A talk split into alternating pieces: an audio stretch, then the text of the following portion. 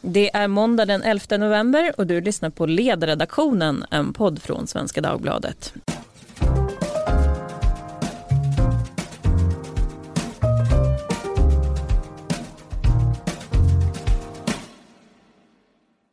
Jag heter Lydia Wåhlsten och idag ska vi prata om att Sverigedemokraterna kommer att rikta misstroendeförklaring mot justitie och migrationsminister Morgan Johansson på onsdag med hänvisning bland annat till våldsutvecklingen i Malmö. Det här är ett beslut som också Moderaterna idag har sagt att de ställer sig bakom. Ulf Kristersson, Moderaternas partiledare, sa så här idag då. Han är sedan fem år ytterst ansvarig för den situation vi har fått i Sverige. Antingen gör en minister sitt jobb eller så tar man konsekvenserna och avgår. Misstroendeförklaringen är en grundlagsfäst säkerhetsventil för att riksdagen ska kunna avsätta ministrar som den inte längre har förtroende för. Men det krävs att en majoritet av ledamöterna, alltså 175 eller fler, röstar ja för att ministern ska avgå och talmannen då kan friställa ministern i fråga. Sedan 1980 ska riksdagen ha röstat om misstroendeförklaring nio gånger. Den senaste var riktad mot socialförsäkringsminister Annika Strandhäll. Ni kanske minns hur det gick. Centerpartiet la ju ner sina röster och Strandhäll kunde sitta kvar trots hur hon hade hanterat Försäkringskassans GD Ann-Marie Beglers avgång. Faktum är att en misstroendeförklaring aldrig har gått igenom riksdagen. De statistiska oddsen ligger alltså kraftigt emot SD i den här frågan. Så varför gör de som de gör? Vinner man mer i förtroende på att visa god vilja än man förlorar på att visa upp ett tandlöst nylle? Det ska vi prata om idag och det gör vi med Sven Dahl, chef för Liberala nyhetsbyrån. Välkommen!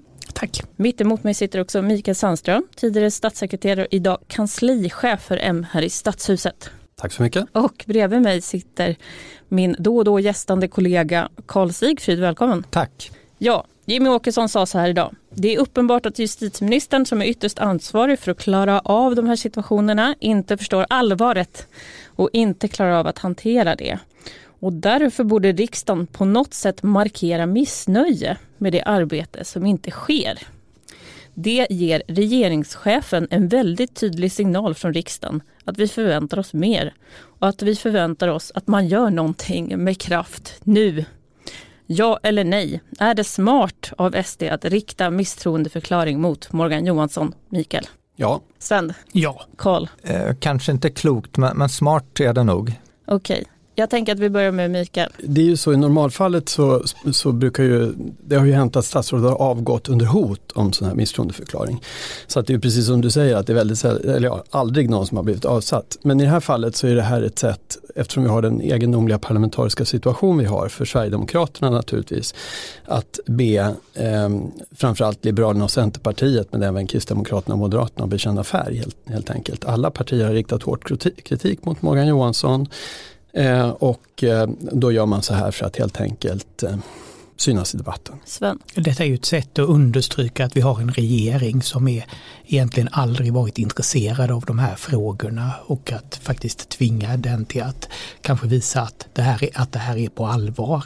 Sen ska man naturligtvis inte ha några större förväntningar kring att det här kommer att leda till någonting. Jag har väldigt svårt att se att, att Centerpartiet skulle stödja det till exempel. De har ju inte meddelat någonting än men Liberalerna har precis för 20 minuter sedan sagt att de inte kommer att stödja det här. Kristdemokraterna har inte heller lämnat besked ska jag säga. Ja, Karl? Ja, alltså jag skulle gissa att, inte, eller skulle inte förvåna mig i alla fall om Sverigedemokraterna har gjort mätningar på det här. Jag tror inte att det finns något jättestort brett stöd för en sån här misstroendeförklaring bland väljarna. Men om man kollar på de som sympatiserar med Sverigedemokraterna och de som är potentiella sympatisörer, det är ju folk som är lite skeptiska ofta mot etablissemanget. Där kan det nog tänkas gå hem och man, man tar på sig rollen då som den, som den tuffaste kritikern mot eh, den, den rättspolitik som förs nu. Moderaterna hamnade i en ganska knepig sits idag kan man tänka sig. Antingen så får man spela andra fiol till SD eller så skulle man stå utanför och låta SD helt och hållet ha oppositionsrollen. Hur tror ni att tankarna gick Sven? Jag skulle säga att det kanske fanns en viss besvikelse inom Moderaterna att man inte hann först med det här. Att det fanns de inom Moderaterna som nog tänkte att man skulle göra det här. Men samtidigt när man befinner sig i den situationen, det går inte att avstå. Alltså Moderaterna om Moderaterna inte hade gett sitt stöd till det här, då hade ju ja, Moderaterna i princip abdikerat från sitt anspråk för att leda oppositionen och på att vara det parti som är berett att faktiskt leda en regering. Varför tror du att Kristdemokraterna avvaktar då? Förmodligen handlar det om att man vill förankra det internt i, i, i partigruppen. Det var, varje sånt här beslut ja, ja, föregås ju av ja, ja, men interna diskussioner. En sak som jag tänkte på i alla fall det är att eh, SDs misstroendeförklaring väger lite tyngre eftersom att S inte bjöd in dem till de här gängsamtalen. Har jag rätt i det eller spelar det ingen roll? En stor del av debatten har ju, har ju som vi vet handlat om Sverigedemokraterna. Nästan oavsett vad det är för fråga det handlar om så handlar det om om Sverigedemokraterna ska få vara med eller inte det, det, känns nästan som att i debatten så finns det en enorm drift att alltid försöka undvika att prata om sakfrågor. Och det lyckades ju regeringen väldigt bra då genom att istället för att faktiskt ta de här riktigt, riktigt allvarliga problemen vi har på allvar så fick man det till en diskussion som handlade om vilka som ska sitta runt bordet. Och det är naturligtvis så att det här är ett tjuvnyp tillbaks då från Sverigedemokraterna eh, för att regeringen agerade på det viset. Samtidigt har ju Moderaterna ett behov av att visa att man är beredda att faktiskt leda en annan regering. Alltså man skulle kunna säga att det här blir ju ett sätt att för Moderaterna att ännu en gång visa att ja, man är beredda att, eh, att ja, men ta ansvar och, ta, och eh, som, som regeringsbärande parti när som helst och att vi faktiskt hade kunnat ha haft en annan regering som sannolikt eh, hade ja, varit mer intresserad av de här frågorna än vad, än vad den regeringen vi har nu är. Men frågan är ju då om en missförtroendeförklaring förändrar någonting alls? Eller kan man anklaga partierna då från andra hållet att uppta den viktiga migrations och justitieministerns tid med sånt här käbbel i riksdagen? Eller ska man tvärtom se det som riksdagens ansvar att, att lägga en misstroendeförklaring för att signalera att det finns ett missnöje? Eh, jag skulle säga att detta är oppositionens ansvar. Alltså om inte oppositionen gör den här typen av saker så eh, kanske man ska ja, kalla sig för någonting annat. Karl, idag när vi pratade om det här, då var du kritisk. Tycker att det har gått inflation i den här typen av beteenden? Jag tycker att det kan jämföras lite grann med det som sker i USA just nu med riksrättsprocessen. Att eh, det finns väldigt många som är missnöjda med nuvarande presidenten. Men är det någonting som man ska med någon typ av eh, närmast juridiskt verktyg försöka göra någonting åt i parlamentet eller är det någonting som man ska lämna i nästa val till väljarna? Eh, jag tycker man kan se Eh, på samma sätt här att eh, det är ju ändå regeringens politik det handlar om, det är inte Morgan Johanssons politik. Det är ju regeringen som kollektivt fattar beslut om hur politiken ska se ut och i praktiken så är det ju partiledarna i de januaripartierna som står bakom det hela. Ehm, att då rikta in sig på den ministern som, som har portföljen, alltså det, det skulle jag säga är eh, kanske inte helt rätt utan Eh, det vore kanske bättre att använda den här typen av verktyg till de tillfällen då det verkligen är en enskild minister som har gjort någonting fel. Är det tänkt att man ska an använda misstroendeförklaring på det här sättet som det verkar göras nu? Det här misstroendeförklaring överhuvudtaget har ju använts lite konstigt. Den första som använde det väldigt konstigt var Olof Palme 1980 var det väl. När han då begärde misstroende mot regeringen Fälldin trots att det inte fanns några som helst utsikter naturligtvis att fälla den utan bara som någon slags eh, eh, Eh, missnöjesyttring. Men det är ju en skillnad med, ett misstro, med en misstroendeförklaring mot en enskild minister nu därför att nu har ju inte, alltså regeringen har ju inte en majoritet i riksdagen.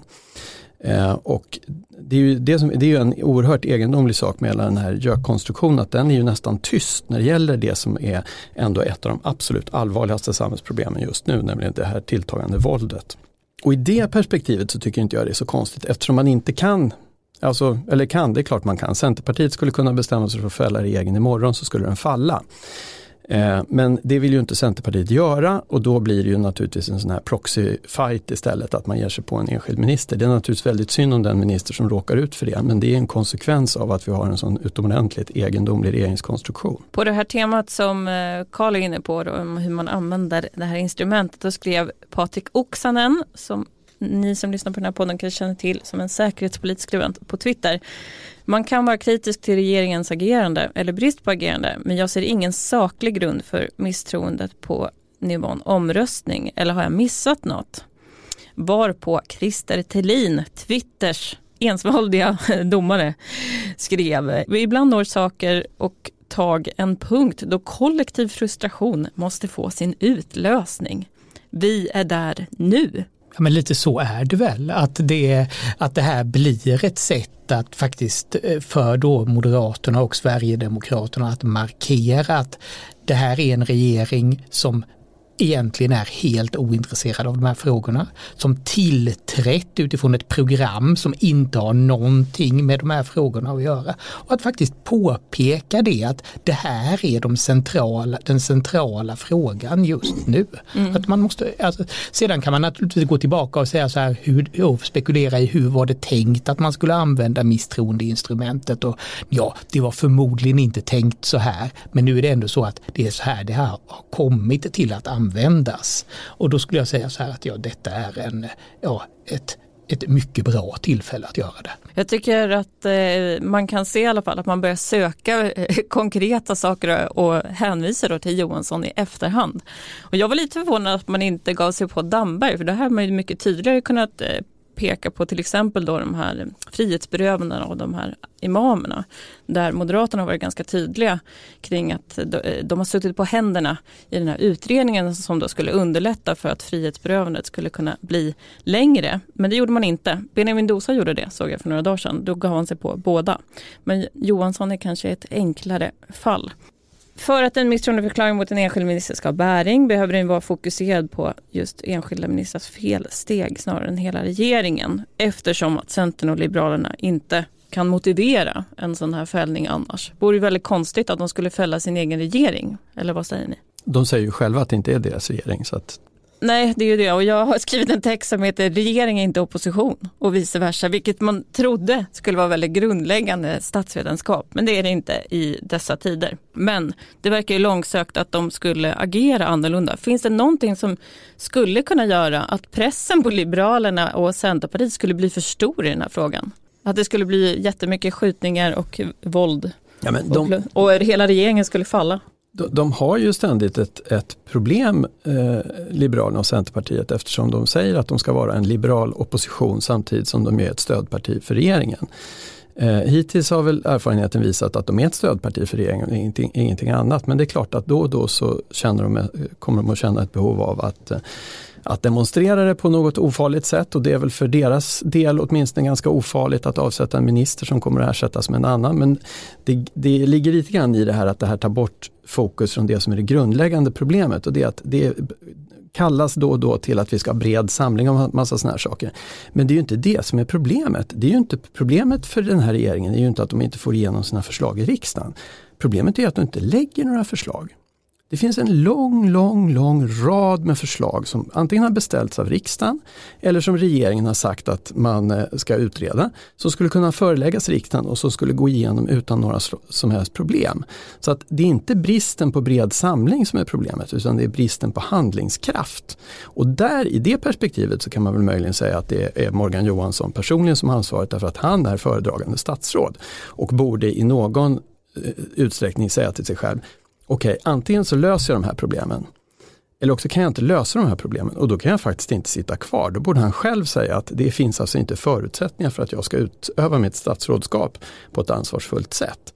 Och då kan man väl i det perspektivet säga att det är väl bra om riksdagen ger honom lite hjälp. Jag tror att en viktig aspekt är också att Centerpartiet och Liberalerna de säger ju nu att vi kan påverka säga, från insidan. Vi ställer oss inte vid sidan om och är arga över att regeringen inte bedriver den politik vi vill se utan vi påverkar i liberal riktning. Det är i alla fall Centerpartiets eh, ganska tydliga linje och, och Liberalernas i, i viss mån.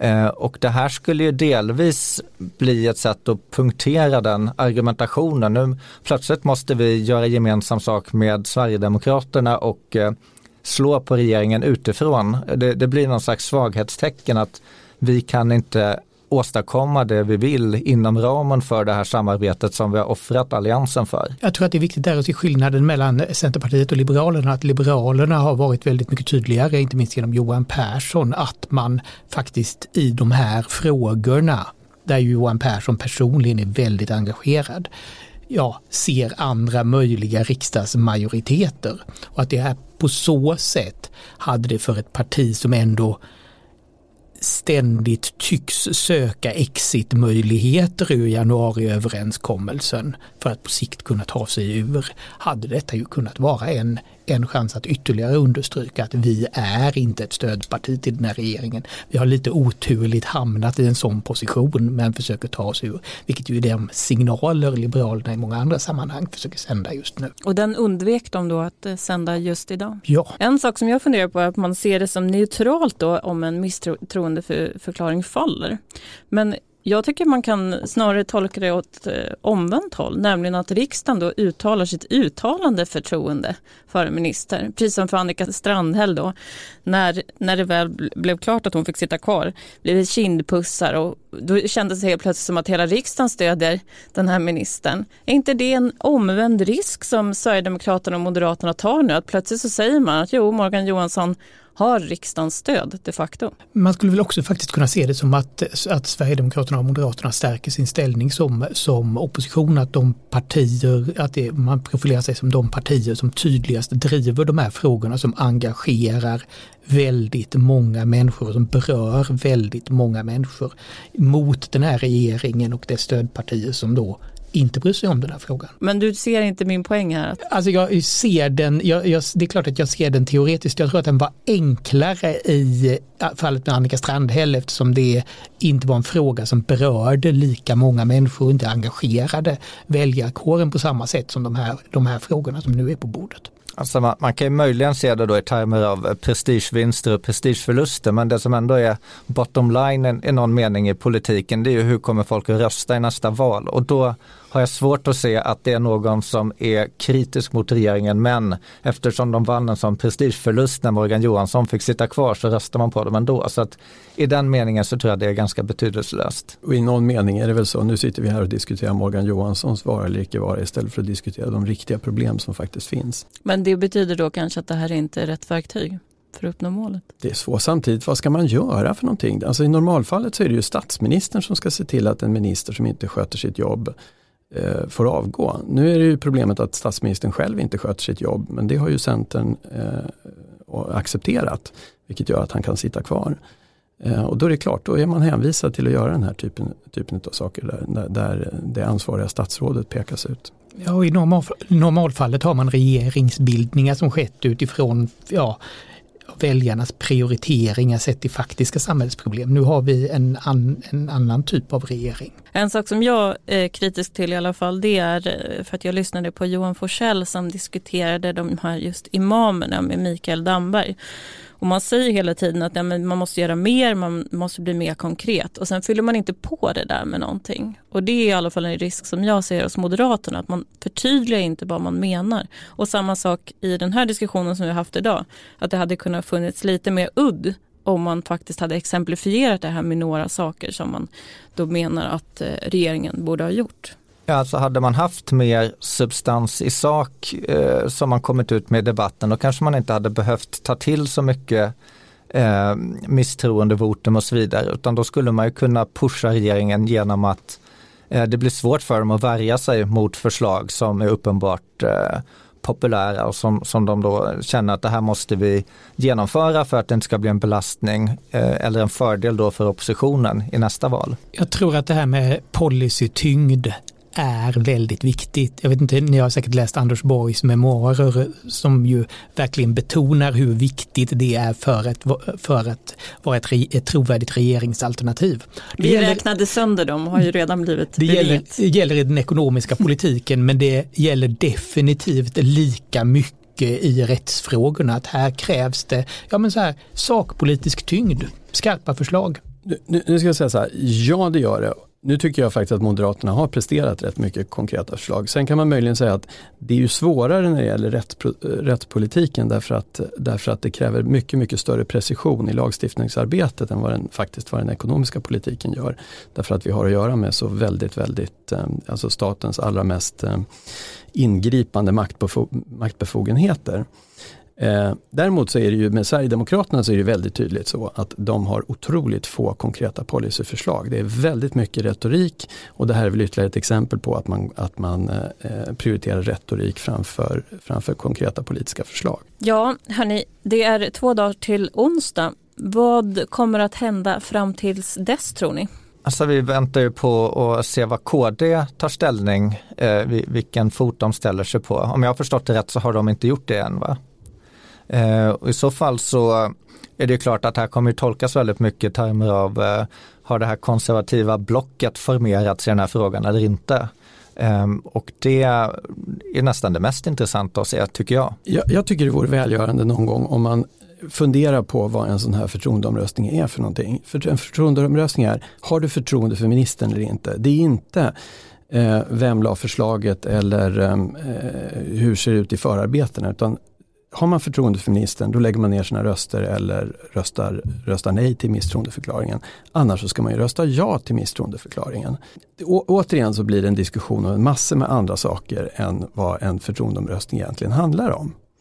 Eh, och det, det tycker jag är bekymmersamt. Eh, har han på ett verkningsfullt sätt se till att Sverige blivit säkrare? Ja eller nej? Det måste ju vara den frågan som man bör ställa sig. Och då vore det väl bra om man lyfter fram alla de här konkreta kritikpunkterna som finns istället för att hålla på och diskutera den här politiska eh, vem tar vem-leken. Och i det läget, så här, om man ska besvara en så enkel fråga och rösta utifrån det så skulle ju förmodligen Centerpartiet, som i och för sig är ett parti som inte är särskilt engagerad i rättspolitiken och aldrig varit det, och Liberalerna kunna tänkas hamna i ett annat ställningstagande. Varför är Stefan Löfven så osynlig? Ja, han har väl inte mycket roligt att säga så att det, det är väl en, en naturlig förklaring. Um, han har ingen positiv politik att presentera. Han ställs inför en massa besvärande fakta, att människor skjuts ihjäl på öppen gata, eh, att det sprängs bomber, att ekonomin är på väg att eh, dyka, att Jökens, eh, ett av Jökens kärnområden, reformeringen av Arbetsförmedlingen, är på väg att haverera. Allt det har han ansvar för Eh, men han låtsas som att han inte ansvar för det utan att det var någon annan som hittade på det. Och det är ju ganska enkelt. Är man statsminister så tar man alltså ansvar för den politik som drivs oavsett vem som har hittat på den. Och han försöker göra någonting annat, det blir svårt och därför så vill han helst inte synas. Ja, jag kände ju själv att det var lite konstigt att det var Martin Ådahl som satt och istället för arbetsmarknadsministern sitter och pratar om omgörningen av Arbetsförmedlingen. Lite märkligt. Väldigt förvirrat vem det är understryker ju så här att eh, regeringen är ju i princip bara en teknokratregering som utför eh, ja, Centerpartiets önskemål. Ja, någonstans i bakgrunden sitter en minister och administrerar. Men det var ju det Annie Lööf sa. Ni, ni har att välja mellan att släppa fram en alliansregering som driver socialdemokratisk politik eller sitta kvar vid makten och driva vår politik. Istället blir det någon slags, de facto funkar ju inte det utan en regering som inte driver sin egen politik kommer inte driva någon politik alls. Och det är väl det vi ser nu. Och på den här deppiga noten så får vi säga tack för idag till Mikael Sandström, Sven Dahl och Karl Sigfrid. Ni som har synpunkter på regeringen, ni kan höra av er på ledarsidan svd.se. Tack för idag.